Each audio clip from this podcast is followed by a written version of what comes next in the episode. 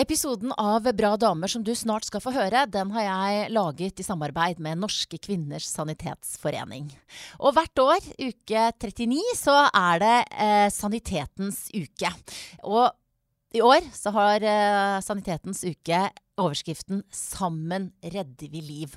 Og målet er rett og slett at flere skal overleve akutt sykdom. At færre skal få permanente og varige men. Og da må jo rett og slett du og jeg bli flinkere til å kjenne igjen tegnene på alvorlig sykdom. Vi må bli flinkere til å vite hva vi kan gjøre for å redde liv. Og det håper jeg du gjør også ved å lytte på dagens podkast og intervju med en av de kuleste damene jeg har sett på TV det siste året. Og så kan du også gå inn på sanitetskvinnene.no og lese mer om eh, Sanitetens uke, og om alle de andre temaene, sakene som Sanitetskvinnene er engasjert i. De trenger all den støtten de kan få, og akkurat den uka her så er det halv pris på medlemskap. Du kan jo melde deg inn og være støttemedlem, eller du kan eh, være med og engasjere deg. Og bare så det er sagt, det går også an for menn å melde seg inn i Sanitetskvinnen, altså.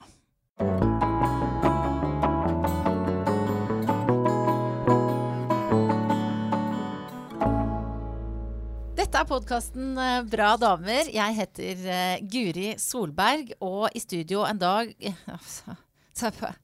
Er det fordi det har vært for så lang sommerferie at jeg ikke klarer det? Men i studio i dag en kvinne som kan uh, passe godt på meg, siden jeg tydeligvis har litt sånn formuleringsproblemer. Hun har du kanskje sett på TV i serien 113, eller 113 om du vil. Hun er ambulansearbeider og sykepleier, heter Maja Louise Lauritzen. Hei, Maja. Hei. er du vant til det at folk sier sånn at det er godt at du er her, så du kan passe på meg og sånn? Um, ja, eller vant og vant, men det er mange som eh, drar den, og spesielt ute på byen så er det mange som, eh, som syns at det er en artig kommentar. Litt sånn kan du være med hjem og vise hjerte-lungeredning? sånn type kommentarer? Ja, eller eh, jeg trenger munn til munn. Den har man jo hørt mange ganger. Oh. Ja. Men er det da etter at du har vært på TV, eller er det med en gang folk Nei, det er generelt når de får vite yrkestittelen. ja. Nei, folk har vært eh, langt ifra ufin eller uh, overfladisk eller noe som helst etter serien. Det har bare vært uh, positive opplevelser i forbindelse med 113. Når du får, får spørsmål enten pga. TV-opptredenen eller pga. yrkestittelen om, om, å gjøre munn-til-munn-metode, hva, hva, er ditt comeback på sånne type litt sånn sleazy forespørsler? Nei, det er ganske åpenbart at de ikke trenger det. Så uh, ja, jeg bruker bare å avskrive det. Ja, rett og slett. For de av dere som eh, ikke har sett denne 113-serien, så er det jo altså da eh, Vi følger en rekke helsearbeidere som jobber da på Universitetssykehuset i eh, Trondheim. Ikke Trondheim Hva? Altså, Maja, det her går jo bare skikkelig dårlig.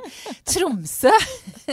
og det som, det som er at det er to Majaer. Det er Maja og Maja.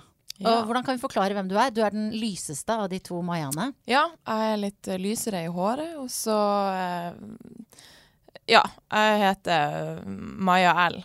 Maja L. Så ja. Ja.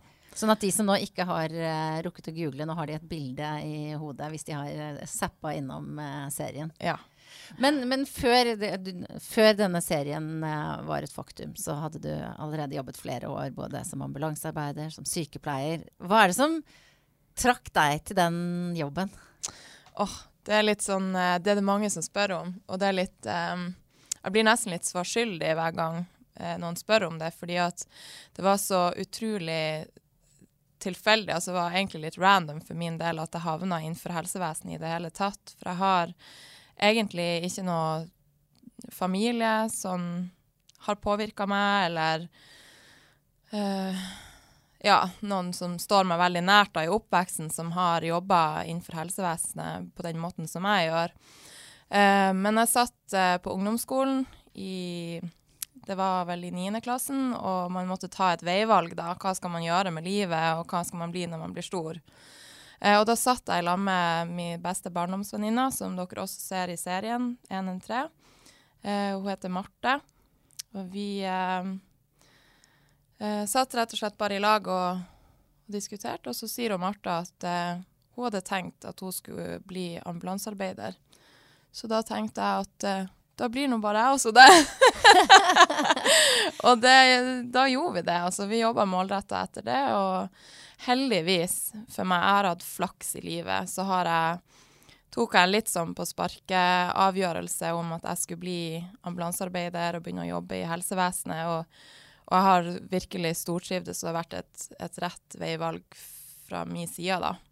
Og det er som Men, du sier, eh, at, liksom, at det var flaks, fordi jeg tenker at det er jo ikke et yrke som passer for hvem som helst. Nei, det er ikke det.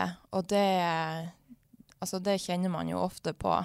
Og det er jo veldig mange som påpeker det i en uh, samtale om jobben min, så er det veldig mange som sier at 'Å, jeg hadde aldri klart den jobben dere gjør', og, og sånt. Og det er mye sant i det, men på en annen side så blir man jo òg eh, god på å takle de situasjonene man står i.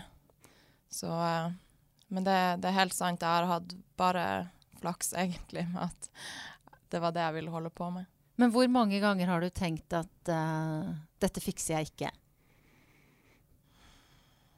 Nei, jeg, det, tror, det, er ikke et alternativ i vår jobb, så det tror jeg aldri jeg har tenkt. Aldri Nei man kan på en måte se for seg kanskje situasjoner sånt, der man tenker at oi, det vil være vanskelig å håndtere, eller um, Men aldri tenkt at jeg ikke klarer det. Altså, man finner alltid en løsning, og det er ikke, det er ikke sikkert at det er den beste løsninga, og det er ikke sikkert at, at uh, det alltid er 100% rett, men man løser det i alle fall på den beste måten og de forutsetningene man har der og da.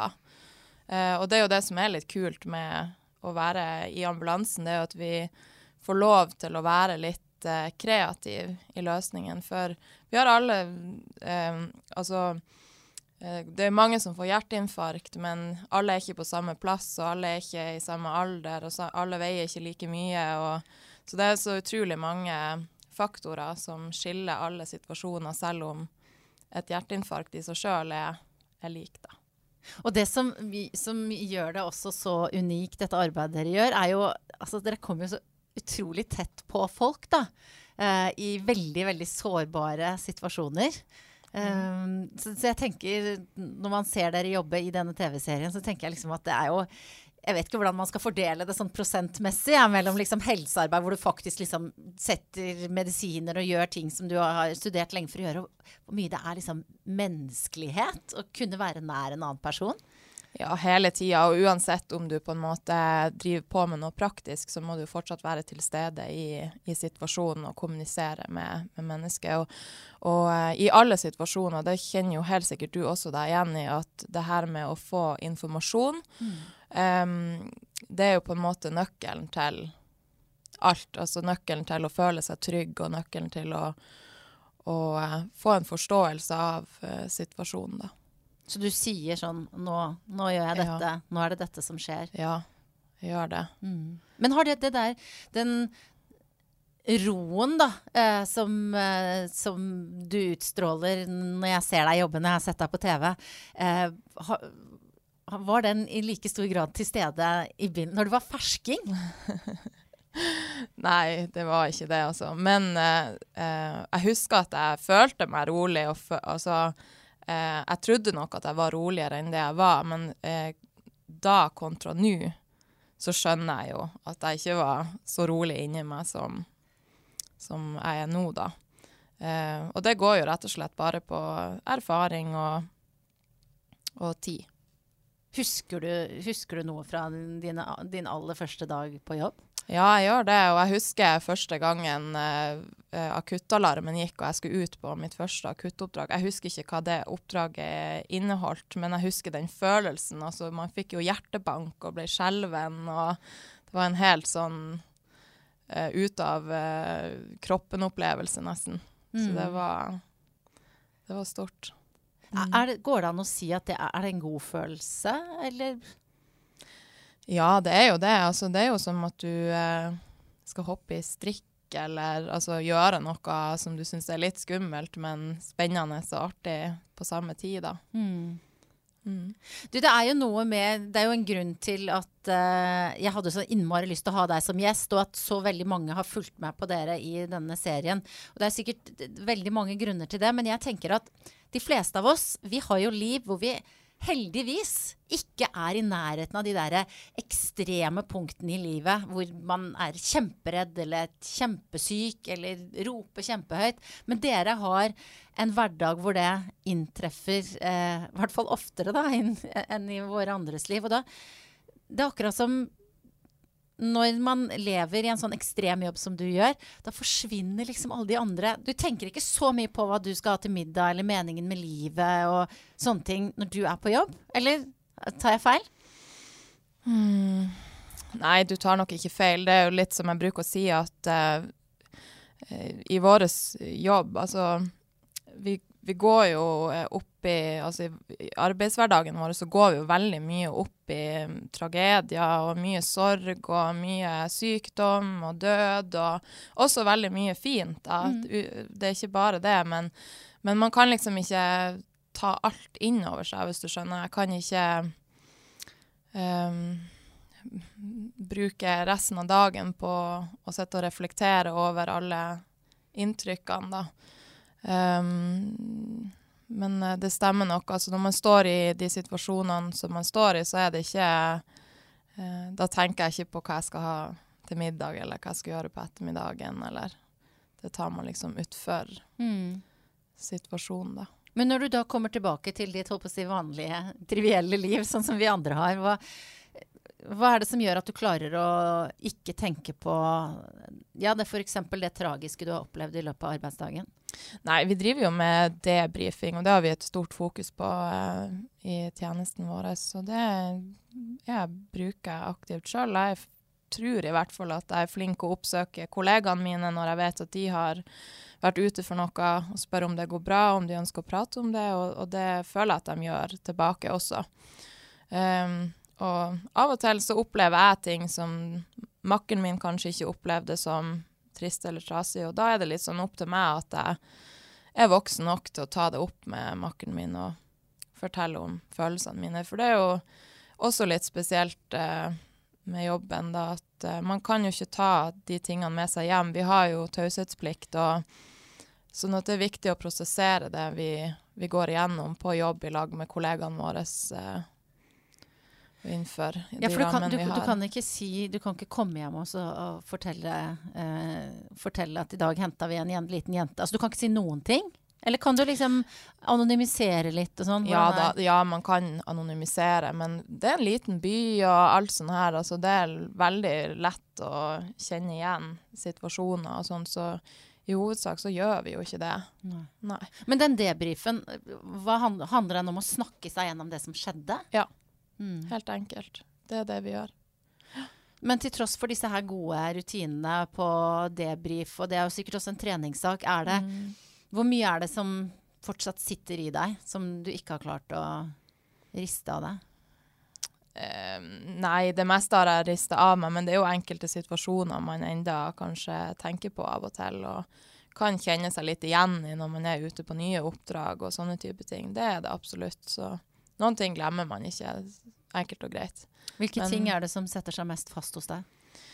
Åh, oh, Det er så veldig situasjonsbestemt. Men uh, det er litt som jeg har snakka om før, da, med, med barn og type uh, omsorgssvikt og sånne type ting. Det syns jeg kan være tøft. Og uh, ja. Syns det er trist hvis samboeren til noen dør, og man liksom skal ivareta den som står igjen, og sånne type ting. Er, er, man glemmer ikke sånne ting, for å si det mm. sånn. Men som vi snakka om, så kommer jo dere da, enten det er eh, godt eller dårlig utfall av de hendelsene dere er oppe i, så kommer dere jo veldig tett på folk. Ja. Jeg har vært heldig og ikke vært i noen ulykke, men jeg har jo vært f.eks. på sykehus og født to barn. Mm. Og jeg husker spesielt etter jeg hadde født uh, første, hvor det var mye styr og sånn, så fikk jeg nærmest sånn forelska følelse i hun jordmora som tok imot datteren min, og alt gikk bra. Jeg tenkte på en Du vet sånn når du er forelska i noen, så ser du de, føler du ser de på gata og sånn. Sånn hadde jeg litt sånn med, med henne for hun ble så, var, var, i nærheten når det var en viktig hendelse, og hjalp meg i en ekstremt viktig hendelse i mitt liv. Ja. Eh, og det tenker jeg liksom du som kommer så tett på folk. Hvor mye, hvor mye opplever du av, av det? At folk liksom kontakter deg, eller sånn i ja, ettertid? Um, når jeg begynte i ambulansen, så hadde jeg jo uh, en veileder.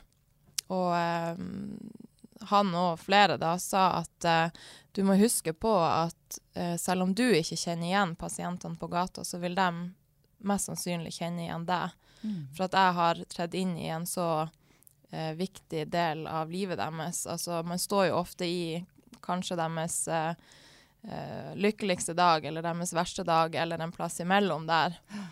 Uh, så den har jeg tatt med meg videre. Så når folk hilser på deg, og du ikke aner hvem det er, så hilser du bare varmt og godt tilbake? Ja. det gjør jeg alltid. Hvor Litt, ofte skjer det? Ja, det skjer veldig ofte. Men det er ikke bare pga. Av, av uh, pasienter og 113 og alle de her tingene. Jeg har ei søster som er veldig lik, så Er det sant? av respekt for henne så hilser jeg alltid på uh, folk jeg ikke kjenner. For det kan hende at de tror at jeg er henne. Ja, ja, ja, så for nettopp. å unngå pinlige situasjoner for hennes del, så så hilser jeg hyggelig på alle. men, men, har, det kommet har det vært an, eh, litt sånn flaue situasjoner hvor noen har tatt deg for å være søsteren din? Å, hele tida.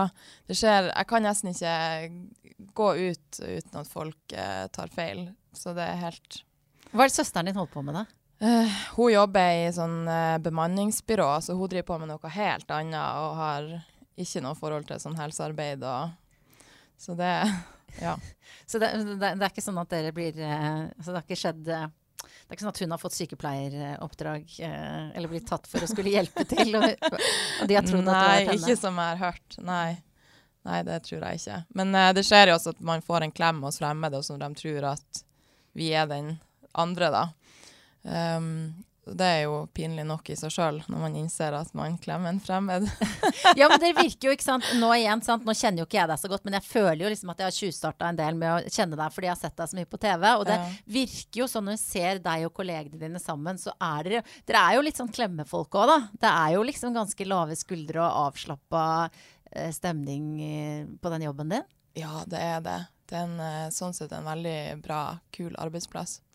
Men det er klart, vi, er jo, vi jobber jo i lag dag og natt. og noen ganger er vi jo på jobb fra klokka fire på ettermiddagen til mandagsmorgenen. Så man kommer jo veldig tett innpå og bor jo liksom i lag i perioder. Mm. Sånn at eh, det skulle vel bare mangle at man blir litt sånn nær og klarer å senke skuldrene eh, i lag. Ellers hadde det blitt veldig slitsomt i lengden.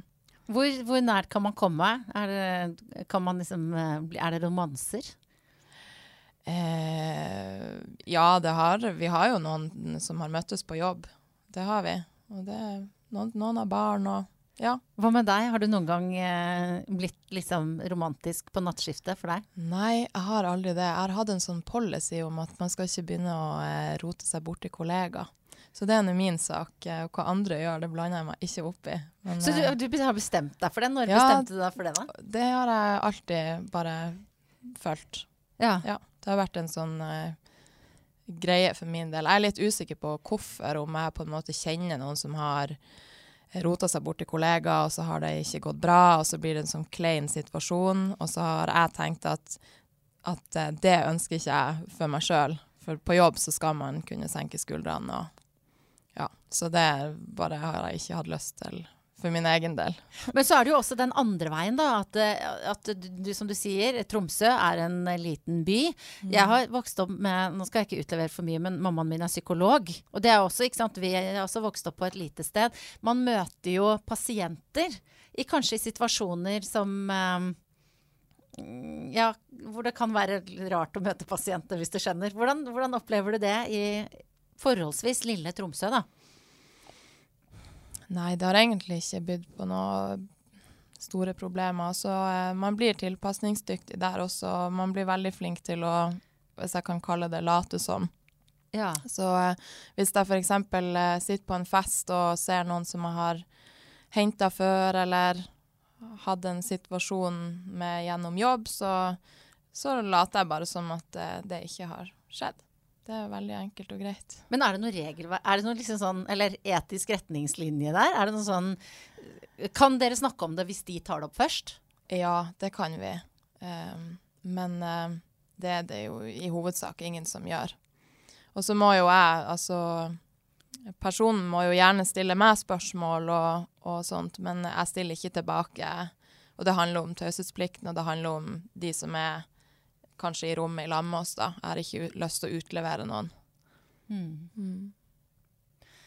Du, det er jo sånn at uh, jeg føler meg trygg, for du kan passe på meg, og gutta på byen sier du kan gi uh, munn-til-munn-metoden. Altså, det er noe vi kan tulle med. Men samtidig så sitter jo du på veldig livsviktig kunnskap som veldig mange uh, ikke har. Det ironiske er at eh, jeg var på TV-jobb i dag, et sånn oppstartsseminar. Jeg skulka nå førstehjelpskurset for å komme og intervjue deg. Så det er jo på en måte det er bra det er noen som kan redde mitt liv og lære hjertestarteren og sånne ting. Ja. Men, men, eh, du er jo da også her eh, fordi, først og fremst fordi jeg digger deg. Men eh, flaks for meg at du også er eh, ambassadør for Sanitetskvinnene, som jeg samarbeider med i denne episoden her. Um, og de har eh, det som heter Sanitetens uke, som er uh, denne uka her, så har de alltid et sånt bestemt fokus. Nå mm. handler det om livredning. Um, som du da, let's face it, er dritgod på. Uh, hvorfor, hvorfor, er det viktig for deg å være med på dette? Du, de ringte meg og spurte om jeg hadde lyst til å være ambassadør for uh, Sanitetskvinner i Sanitetsuka, som er i uke 39. Og eh, jeg fikk bare litt sånn kort info, og jeg visste egentlig ikke så mye om sanitetskvinner og, og sånne type ting. Så jeg sa at eh, jeg må lese meg litt opp og få litt mer informasjon, og så skal jeg komme tilbake til dere. Eh, og det var for at jeg umiddelbart tenkte at sanitetskvinner, altså hva er greia? Er det, er det bare for damer? Og jeg tenker jo at eh, førstehjelp er jo like viktig for menn og for unge som eldre.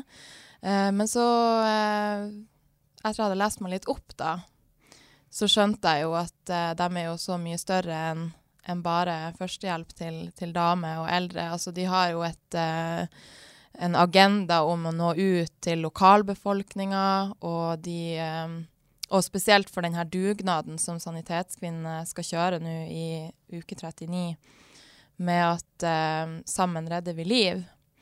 Og det syns jeg var spesielt kanskje artig, fordi at eh, jeg nettopp har vært med å lage 113-serien, eh, der vi også hadde en lik agenda om folkeopplysning. Mm. Eh, og det her går litt på samme greia. Det her er òg folkeopplysning, og jeg har lyst til at folk skal bli bedre på førstehjelp. Jeg har lyst til at folk skal eh, bli bedre på å ringe 113, og at eh, de blir flinkere til å gjenkjenne symptomer på akutte tilstander. Mm. Og hvis vi blir bedre på det, så eh, vil man jo oppnå målet til Sanitetskvinner og rett og slett eh, minske folk som får etterskader av f.eks. hjerteinfarkt, hjerneslag eller hjertestans. Og det veldig mange sier av de som kan hjerte-lungeredning og sånn, er jo det at, at, man kan ikke gjøre feil. Altså at det er sånn det, For jeg var sånn der Var det 15 trykk? Var det 30? Er det der eller der? Så, ja, men kjør på. Hvis du knekker noen ribbein, så er det tross alt bedre enn hvis vedkommende dør. Eh, sa din da jeg var i, på førstehjelpskurs forrige gang, da jeg ikke skulka. Eh, men altså, hva, hva er de vanligste misforståelsene du hører? Mm. Hva er det folk gjør feil, liksom? Ja, det er jo at de ofte venter for lenge.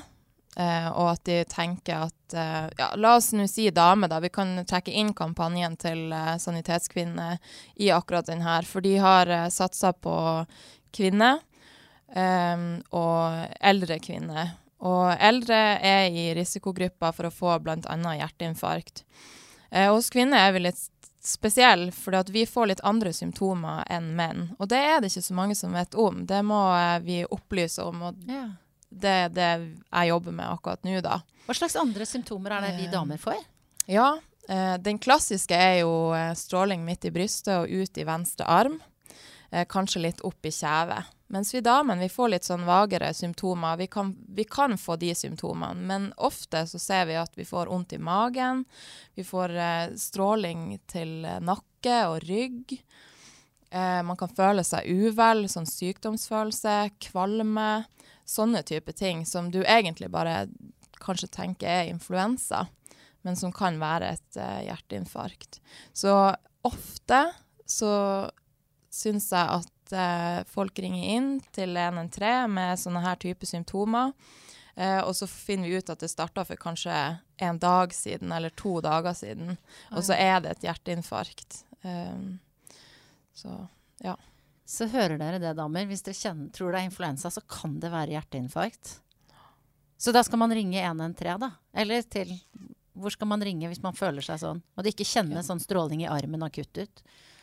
Nei, altså eh, Det man kan gjøre, er jo å ringe til eh, legevaktsentralen også. Eh, hvis du føler at det er sånn overkill å ringe til 113, for det er det mange som åpner med. Ja. At de sier sånn «Eh, Jeg vet ikke helt om det er vits å ringe til 113 for det her, men eh, Og hvis det er den følelsen du sitter med, så ring legevaktsentralen, da. Og så vil de spørre deg ut på samme måte egentlig som man gjør på 113. Og så hvis de oppfatter det som en akutt situasjon, så vil de henle det rett over til uh, AMK, da, så vi får sendt ut ambulanse. Så uh, uansett så er det lurt å kontakte noen.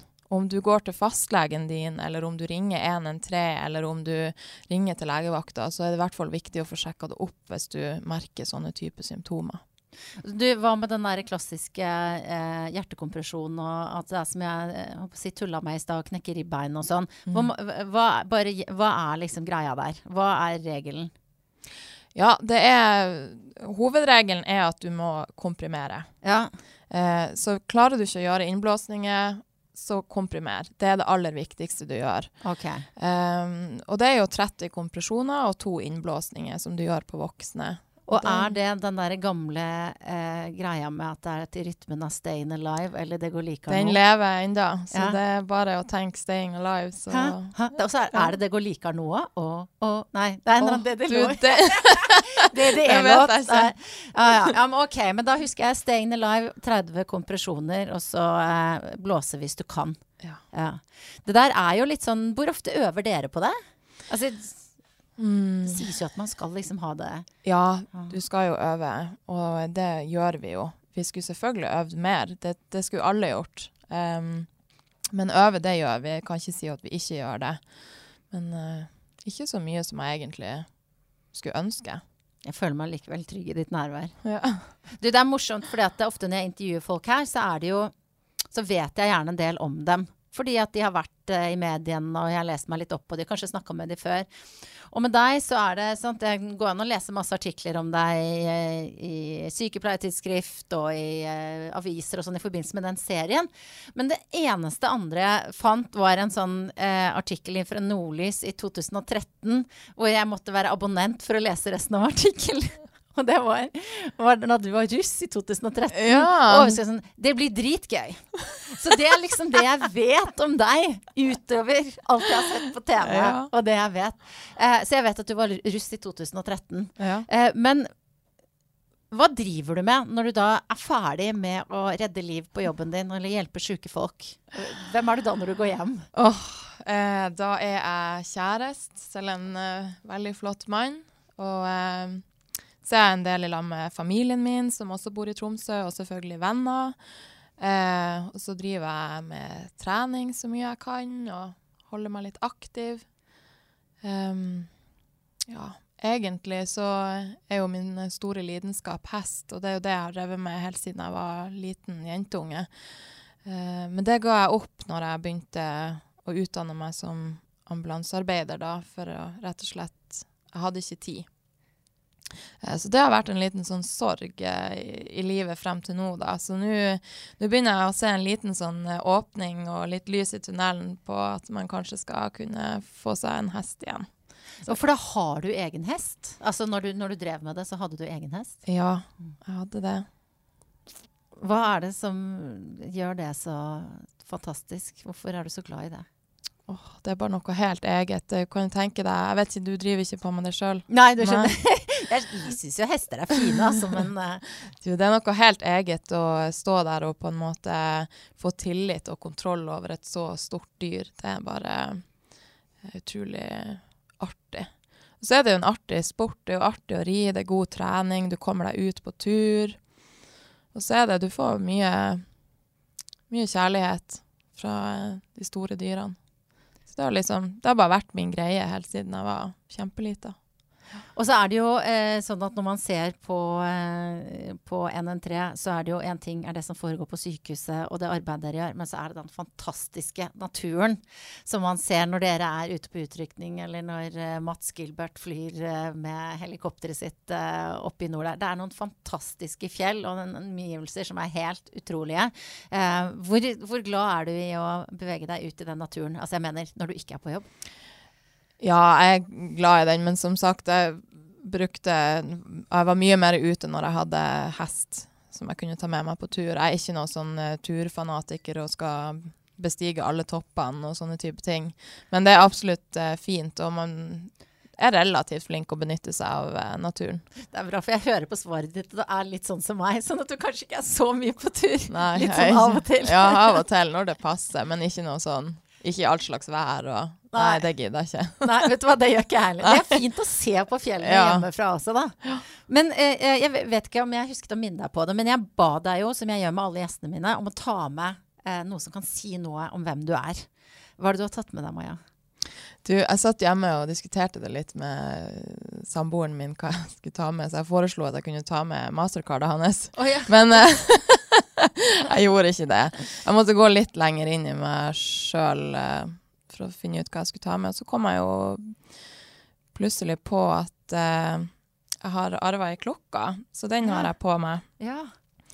Uh, Kjempefin. Sånn miniklokke, egentlig, ja. i forhold til mye av det som uh, ja, er i butikken nå. Men helt det, nydelig.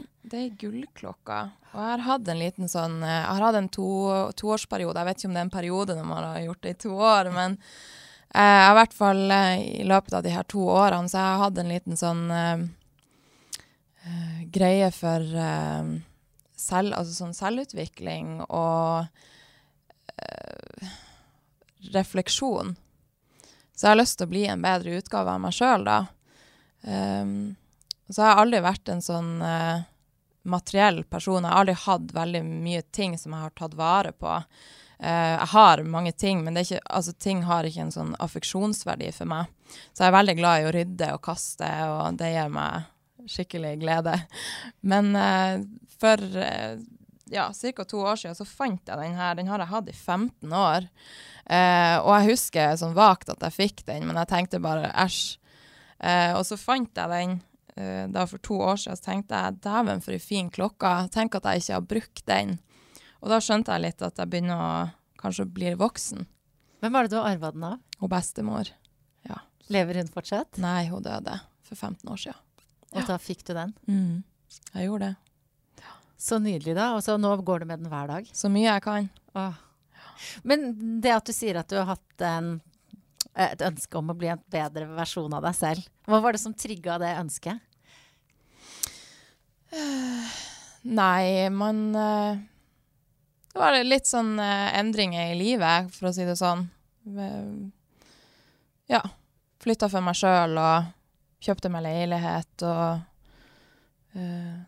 Ja var igjennom uh, mange kule ting og mange kjipe ting. Og ja, litt sånn Jeg kjente at jeg nå er kanskje klar for å bli voksen. Jeg vet ikke. og hva, hva, har du gjort uh, utover å rydde, som du sier, og ta på deg klokka di igjen? Hva Har du gjort, gjort noe spesielt for, for denne sånn selvutviklinga, som du sa? Jeg prøver å reflektere mye og prøver å, å tenke litt før jeg prater. og prøver å eh, Sånn som på jobb, eksempel, um, så er det jo veldig lett at man bare sier det man mener, og kanskje river av seg hvis man har en dårlig dag. Uh, det prøver jeg for det første å la være. Uh, men jeg bruker å reflektere når arbeidsdagen min er over. Uh, hvordan har jeg opptredd på jobb i dag? Og har jeg vært en god kollega? Og har jeg vært en av dem som har vært med på å dra opp stemninga på jobb?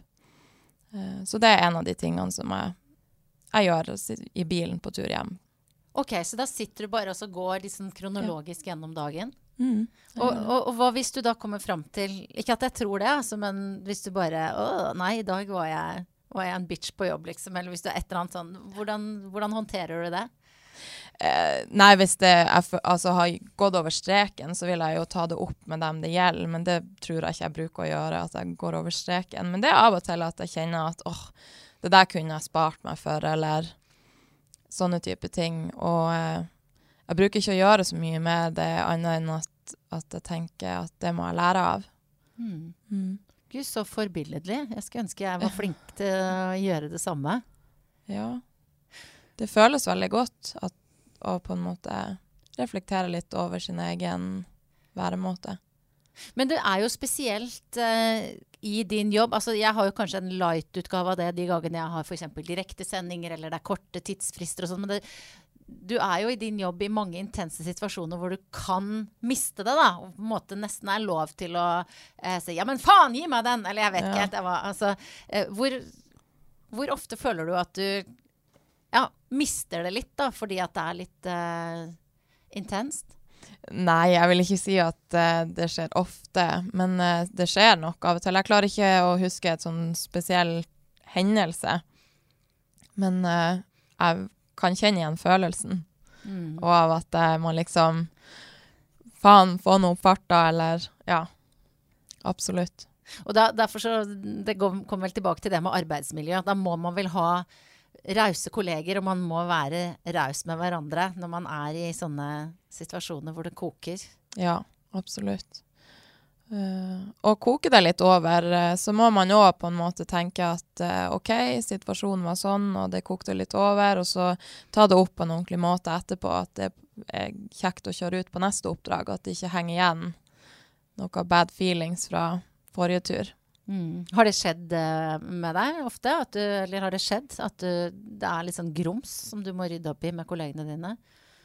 Nei, altså det, så lenge man tar ting opp på en fin måte, så går det som regel bare fint. Mm. Du, når jeg meldte med deg, så var det sånn Å nei, jeg har ikke hørt så mye på podkast, dessverre. og Sånn, men nå har du liksom gjort leksa di og har hørt I hvert fall vet jeg på, litt på denne podkasten. Og da vet du at jeg stiller alltid tre sånne kjappe, avsluttende spørsmål da, til gjestene mine. Eh, Og det ene er Hva spiste du til frokost i dag? Um, normalt sett så lager jeg meg en smoothie som jeg tar i bilen på tur til jobb. Men det gjorde jeg jo ikke i dag, for jeg sto opp grytidlig og tok første flyet fra Tromsø til Oslo. Så jeg tok frokosten her i Oslo. Eh, Så gikk jeg inn på en sånn eh, juicebar-sak og tok meg en eh, smoothie og en sånn digg avokado, tomat, kylling, wrap-sak. Så det var godt. Men, så du, er, det, er det smoothie av, av sånt, er du sånn, Sover du så lenge som mulig, og så tar du frokosten i bilen? Er det derfor? Ja, jeg er supereffektiv om morgenen. Jeg står gjerne opp eh, ti på halv åtte, og så kjører jeg mellom ti over halv åtte og kvart på åtte. Og da har jeg kledd på meg og gjort morgenstell og sminka meg og laga meg smoothie. Ja, for da, da er jo neste spørsmål nesten svart på allerede. For det er liksom, Hvor lang tid brukte du på å finne ut hva du skulle ha på deg i dag? Ja, det skal være ærlig å si at uh, ut av eh, sånne ting, så er det det jeg bruker desidert mest tid på. Å ja. uh, men så har jeg også, fra jeg var egentlig liten, så har jeg alltid lagt klar klærne mine dagen i forkant. Så hva jeg skulle ha på meg i dag, det fant jeg ut i går kveld. Så da prøvde jeg tre antrekk, og så ble det det her, da. Hva var det som gjorde at du valgte akkurat en veldig fin hvit bluse, kul beige jakke over? Eh, veldig fin flette, forresten. Takk. Det er, gjør du det sjøl? Det gjør jeg sjøl, ja. Jeg blir alltid så imponert over det. Jeg klarer ikke det på andre engang. Men hva var det som gjorde at du valgte dette antrekket? Åh, jeg ville ha noe som eh, var komfortabelt, og som ville holde holdt jeg på å si, hele dagen. Jeg skal jo ikke hjem før klokka ti i kveld, og lander ikke før tolv, så det var egentlig det det gikk på. Mm. Og du har, er, har jo en jobb hvor du har uh, uniform, da. Enten om du er ute i ambulansen eller hvis du er som sykepleier på, på sykehuset. Hvordan, uh, hva syns du om det? Hvordan trives du i uniform? Eh, det er fint å ha uniform, absolutt. Men jeg er også veldig glad i å pynte meg og gå i fine klær og Ja, jeg liker det. Så um, jeg har jo en eh, Jeg jobber jo 50-50 nå. Jeg jobber 50% på ambulansen, og så jobber jeg 50% på AMK. Eh, så på AMK trenger jeg ikke å bruke uniform, så da får jeg 50% av tida å bruke mine privatklær. Og det betyr at du, når du da sier på AMK, er du da den som sitter og tar imot uh, telefonene, eller? Hva, du gjør, hva gjør du på AMK? Primært så er jeg ressurskoordinator. Så det vil si at eh, jeg sitter og koordinerer alle ambulansene eh, rundt omkring i, i Nord-Norge. Det er som en flygeleder på eh, akutthjelp. Ja, cirka. ikke, ikke helt, men uh, det er mange biler og, og, mange folk, store områder. Mm. Så vi, ja, vi sitter og koordinerer, og så svarer jeg litt 113 når uh, det koker litt over der inne. Så vi har mange forskjellige oppgaver. Vi er jo et team som sitter inne på AMK, så vi alle utfyller hverandre. Så det er en veldig artig jobb, og det er veldig kjekt å, å få innblikk i den biten også. Mm. Det gjør, eh, det gjør, Jeg føler at jeg blir bedre på jobb eh, i ambulansen av å også jobbe på AMK, for at jeg forstår så mye mer av det store bildet. Altså systemet inne òg, ikke bare Man blir ikke så eh, fokusert på bare det vi holder på med ute. Men det der med de gangene du svarer telefonen, da. Mm. Hvordan er det? Ja, det er litt spesielt. Og det var jo en kjempeomstilling å på en måte skal veilede over telefon eh, og ikke få lov å være der og se situasjonen og se mennesket. Så det, det øver jeg enda på. Jeg håper at jeg bare blir bedre og bedre på det. Hvordan, hvordan er folk når de ringer til deg? Nei, det er veldig forskjellig. Noen er hysteriske, og noen er helt rolig, og, og andre er dritings, og noen er Altså, det er alt. Mm. Ja. Det er barn, og det er unge. Mm. Er det barn som tulleringer òg, eller er det barn som har lært seg å ringe 113? Eh, vi har barn som har lært seg å ringe 113 og ringt etter hjelp, og faktisk eh, redda liv, dem også. Oi. Så det er òg så bra. Det er tydelig at eh, de har fokus på det i barnehagene og sånne ting, så det er helt topp. Eh, men vi har selvfølgelig òg noen som tulleringer og, og sånt. Men da eh, vi skjønner når folk eller ungene tulleringer, så vi bruker å bare ringe dem opp igjen. Eventuelt eh, svare telefon, da, selvfølgelig, og så si hvem vi er, og at det ikke er så lurt. Og da blir de veldig forlegen og unnskylder seg, så det, det er uskyldig. Det er så deilig at vi skal gå rett fra det til eh, det siste spørsmålet, som er når hadde du sex sist? Jeg tenkte du ikke skulle spørre om det. Du, eh, det her er jo litt sånn eh, Det spørsmålet her, jeg føler man kan sammenligne det med den dagen jeg potensielt må fortelle om mamma og pappa at jeg er gravid, for da blir de å skjønne at jeg har hatt sex. Ja, så det er jo så flaut. er ikke det rart at det liksom er at det, det er liksom litt sånn flaut både å vite om foreldrene sine og skulle si til dem at man faktisk har hatt sex. Ja. Men sånn er det. Nei da. Jeg har samboer og er åpen om det, så jeg hadde sex i går. Hvor lenge har du vært sammen med kjæresten din? Vi har vært i lag i litt over et halvt år nå. Ja. Så han er en av de livsforandrende tingene som har skjedd da, i løpet av de siste to årene? Ja, det vil jeg absolutt si. Han har veldig god innflytelse på meg. Hva er han, hva, hva han for?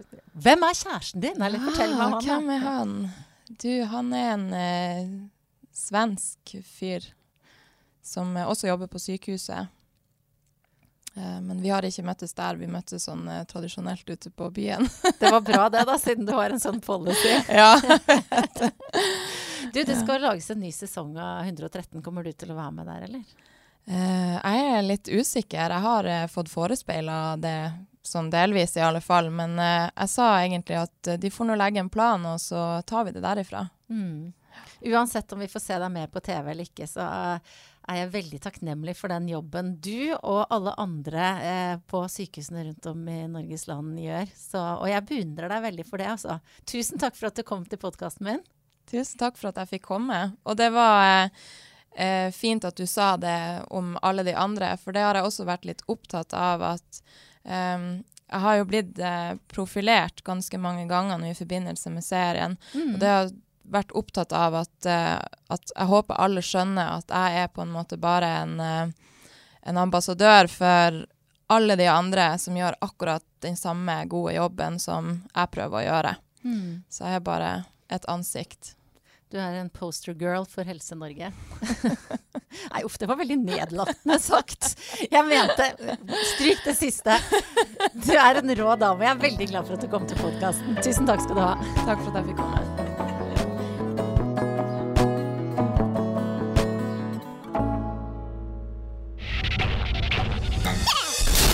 Monster.